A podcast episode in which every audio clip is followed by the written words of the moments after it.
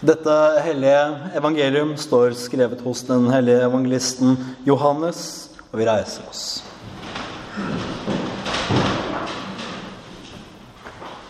Jesus sa da til dem.: Ennå en liten stund er lyset blant dere. Vandre den stund dere har lyset, for at ikke mørket skal komme over dere. Den som vandrer i mørket, vet ikke hvor han går hen. Tro på lyset mens dere har lyset, så dere kan bli lysets barn. Dette talte Jesus og gikk bort og skjulte seg for dem. Slik lyder det hellige evangeliet.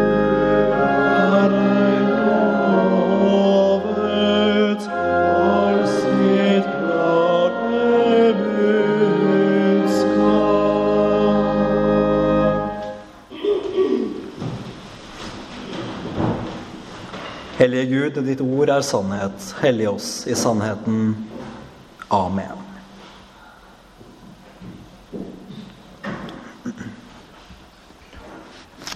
Den eh, første teksten som, eh, som, vi leste i dag fra Det gamle testamentet, fra ordspråkene, det er den som eh, er satt opp som prekentekst av de som sitter et eller annet sted i Oslo-området og bestemmer hva vi prester skal preke om.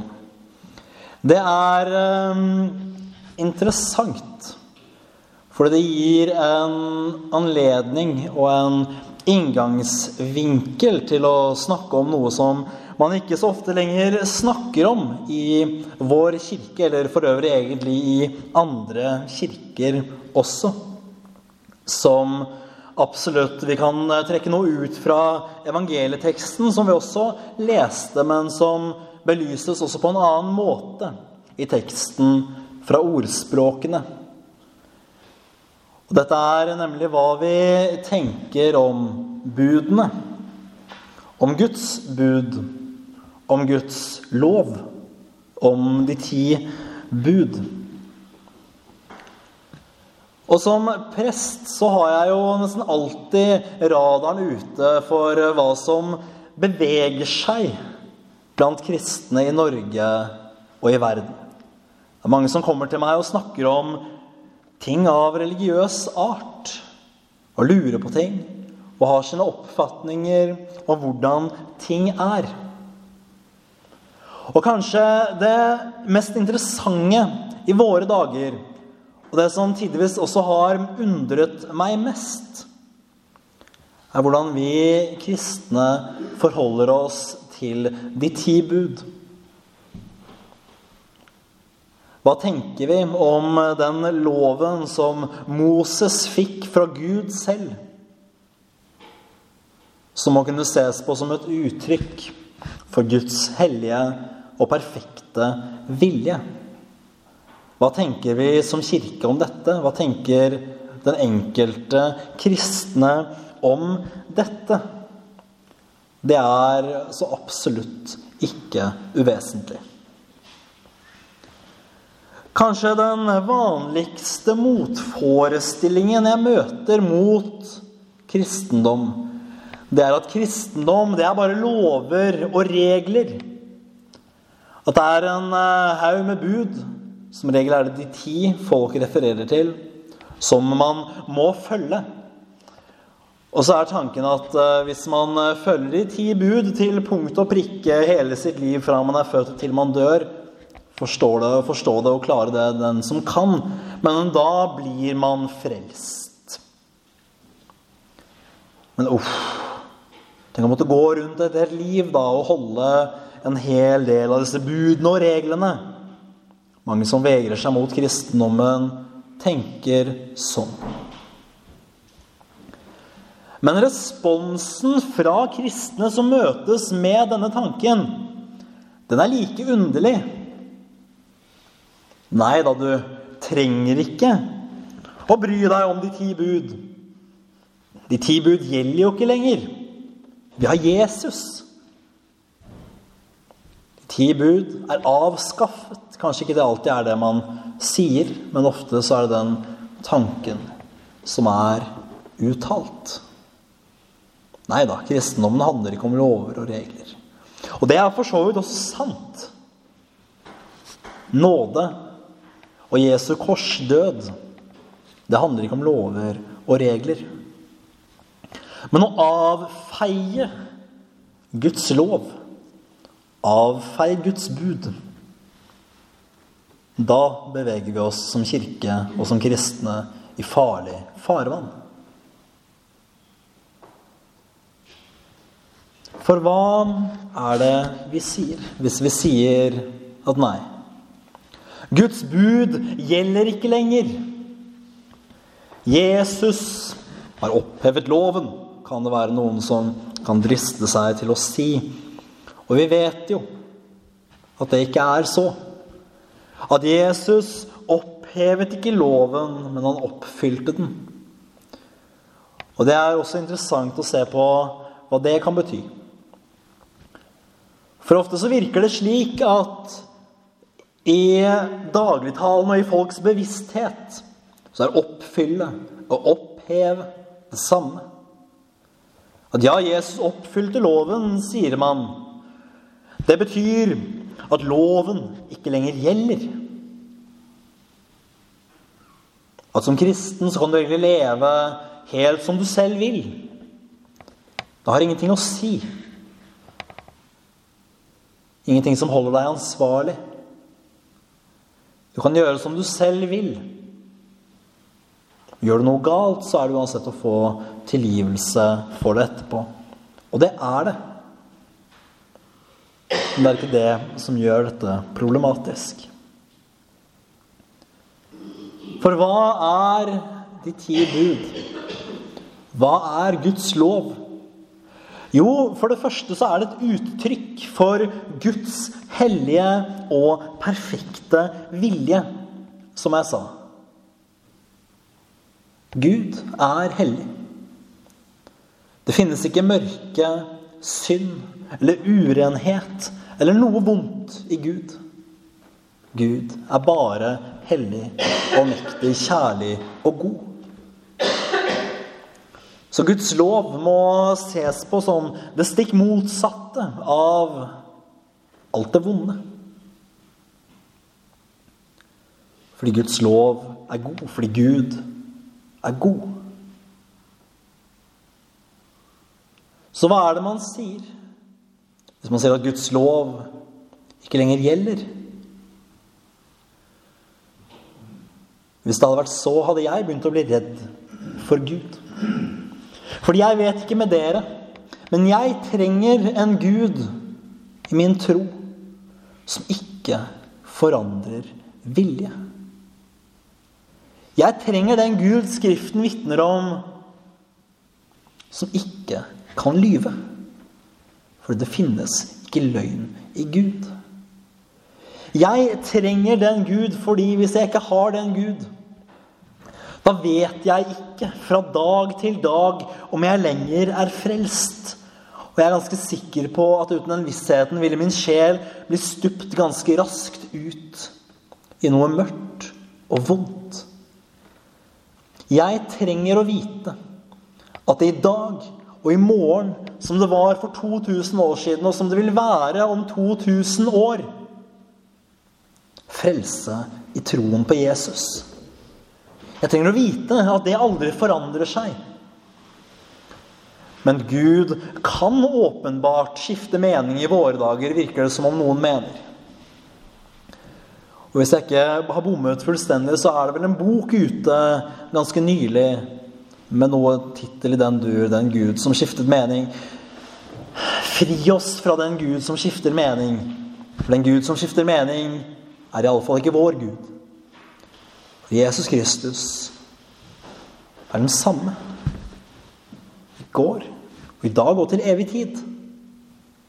Det er det eneste som kan gi troen sikkerhet. Og hvis Gud ikke skifter mening, da er Hans lov og Hans bud like gode den gang og nå og til evig tid.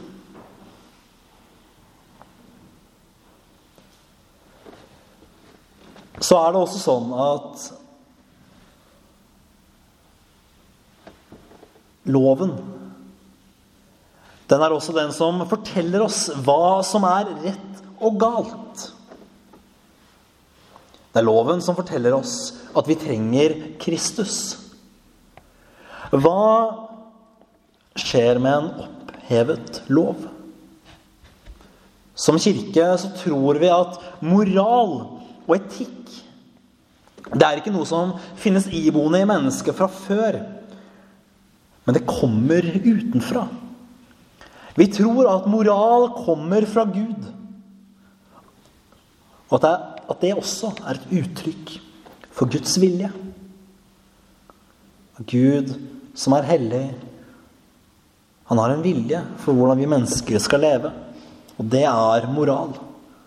Det som er i tråd med dette, denne hellige Guds vilje, det er god moral. Det som strider imot det, det er vond moral. Men hvis loven er opphevet, da finnes det ikke lenger moral. Da finnes det ikke lenger rett og galt uten Guds lov. Så hva skal vi da gjøre? Da kan vi bare lene oss tilbake. Vi kan slappe av. Vi trenger ikke å bry oss med våre gjerninger. Vi trenger ikke å tenke på om vi synder, eller om vi ikke gjør det. For hvis Guds lov er opphevet, da er det ikke lenger rett og galt. Da trenger vi ikke streve for å bli likere i Kristus. Da kan vi bare lene oss tilbake og la oss drive med av syndens elv som flommer så sterkt i våre dager.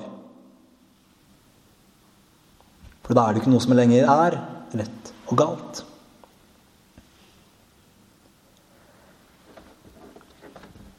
Men kanskje det aller verste med å oppheve Guds lov, det er at da trenger vi ikke lenger Jesus. Og det tror jeg må være det vondeste i hele verden, den tanken på kanskje potensielt ikke skulle trenge Jesus. Han som vi vet at vår sjel og vår frelse er fullstendig avhengige av. Men hvorfor trenger vi ikke da Jesus hvis vi har opphevet loven? Jo, fordi det er loven som viser oss at vi ikke er i overensstemmelse med Guds hellige og perfekte vilje. At vi er det som da blir kalt syndere. Og at i møte med Guds vrede den Guds vrede som kommer over synden, over de som bryter loven, så har vi ett håp. Vi har ett eneste håp om å ikke gå til grunne, og det er Jesus Kristus. Vi har ingenting annet å klamre oss til. Men nå har vi opphevet Guds lov. Da trenger vi jo ikke lenger Kristus. Så vi må ikke tro at Guds lov er opphevet. Og vi må tale imot det når vi møter det. Fordi hadde Gud selv opphevet loven og sagt at ja, da er alle, alle mennesker automatisk frelste, da hadde det jo vært greit. Men det er det ikke. Gud har ikke opphevet sin egen vilje. Guds vilje står fast. Det som var Guds vilje da, det er Guds vilje nå. Det som var synd da, det er også synd nå. Og vi må holde fast ved det.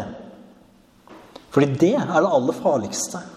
I en verden hvor Guds lov ikke er opphevet. Og vi må fly til Kristus for å finne frelse og for å finne nåde og vi vet at vi finner det der fordi Gud ikke skifter mening. Fordi Gud er trofast og rettferdig og har lovet frelse til den som tror. Men i en verden hvor dette er nødvendig for å bli frelst Og da fortelle at loven er opphevet, og at du ikke trenger frelse Det tror jeg ikke vi skal gjøre. Det er farlig. Og vi må unngå det for alt det er verdt. For Jesus Kristus er den eneste veien til Gud. Det er kun i Jesus at det finnes nåde. Og at Jesus har oppfylt loven, det har han som sagt ikke gjort for å oppheve den. Men Jesus har oppfylt loven, for da har han lovens rettferdighet. Og når Jesus slik har oppfylt loven, da er også lovens rettferdighet tilgjengelig for oss i troen på Kristus. Og vi blir derfor ved troen kjent rettferdige. Om vi skulle holdt alle disse lovbudene selv, så ville vi strevd, og vi ville strevd og vi ville strevd, og vi ville gått uten tvil til grunne og bli fortapt. For lovens krav, den er absolutt. Og loven gjelder ikke bare de ytre gjerninger, det vi gjør. Men loven er også en åndelig lov. Så det gjelder tanker, følelser, motiver. Og den som i sin ferd kan si og alltid ha rene motiver, alltid tenke kun det gode Ja, kanskje han ville blitt frelst ved loven, men ingen klarer det. Og den som hadde påstått det, ville man med rette kunne kalt en løgner. Fordi lovens krav er så knallharde at på et eller annet tidspunkt så vil vi bryte det. Derfor, derfor, derfor er Jesus Kristus og nåden der det eneste vi kan fly til. Men er det da sånn, som jeg har prøvd å hinte litt til, at, at loven er irrelevant nå? Man skulle jo kanskje tro det. Og kanskje er det ikke så langt til den tankerekke som sluttes, at loven er opphevet Nettopp fordi vi ikke kan frelses ved den, men frelses ved Kristus. Men det er jo en teologisk kortslutning å tenke at alt må lede til frelsen for at det skal være godt. Og det er jo ikke nødvendigvis sant, for det er troen på Jesus og nåden hos Gud som frelser. Det finnes mye mer her i verden som også er godt enn disse tingene. Og loven, hvis den er et uttrykk for Guds hellige og perfekte vilje, hva forplikter det da oss til? Jo, det forplikter oss faktisk til å se hva er disse bud? Hva er denne hellige Guds vilje og så prøve å leve etter det. Så jeg tror vi må gjenvinne denne form for fromhet rundt de ti bud. Se på dem og speile våre liv i dette speil som er virkelig Guds gode og hellige vilje. Ikke fordi vi skal frelses ved budene.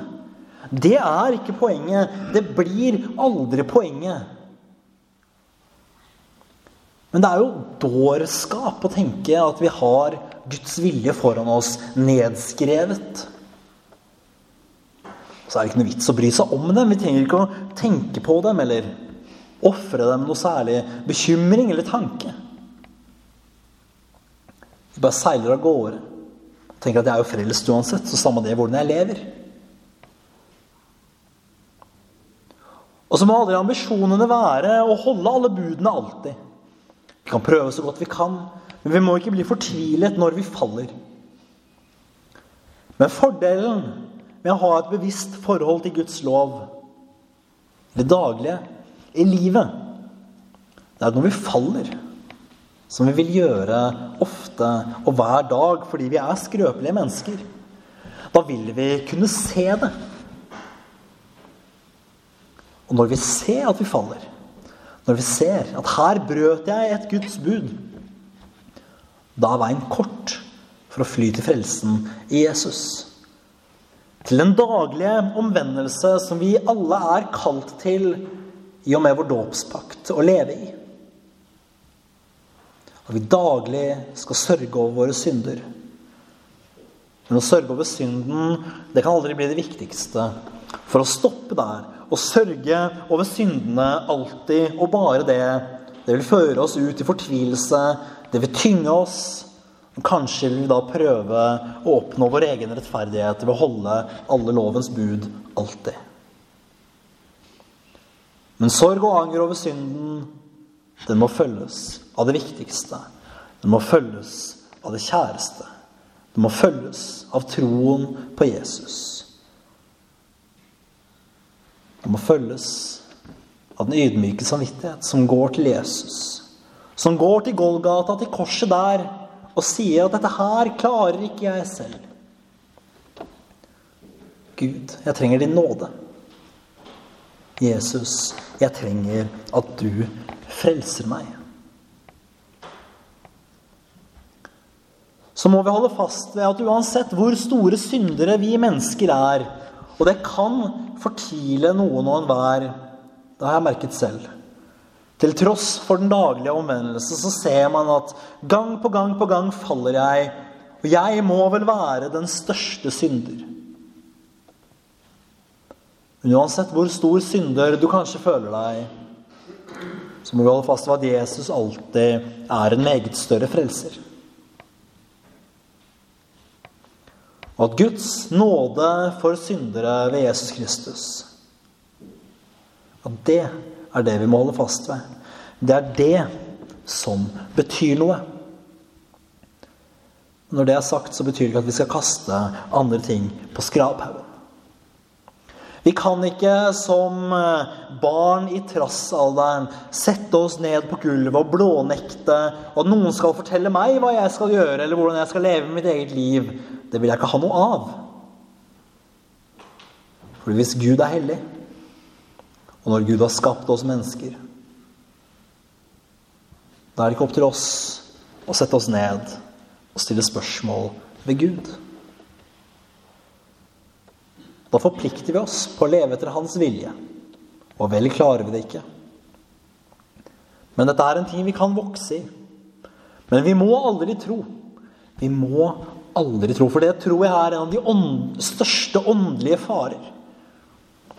Det er å komme såpass langt at man tror at nå er jeg hellig. Nå er jeg rettferdig. Nå har jeg fått til så mye at nå fortjener jeg sikkert frelsen selv.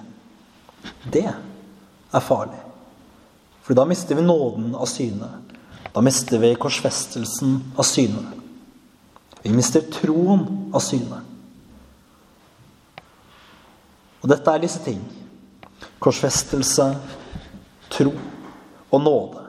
Som er det viktigste, som alltid er kjernen, og som vi, vi må holde fast ved. For på korset, der der sones syndene. På korset blir frelsen tilgjengelig for alle mennesker som tror. Og det skjer ikke fordi noen av oss har fortjent det, men det skjer fordi Gud er nådig, fordi Gud er god, Gud er kjærlig, og Gud vil gjerne frelse oss mennesker. Ære være Faderen og Sønnen og Den hellige ånd, som var her og blir en sann Gud fra evighet og til evighet. Amen.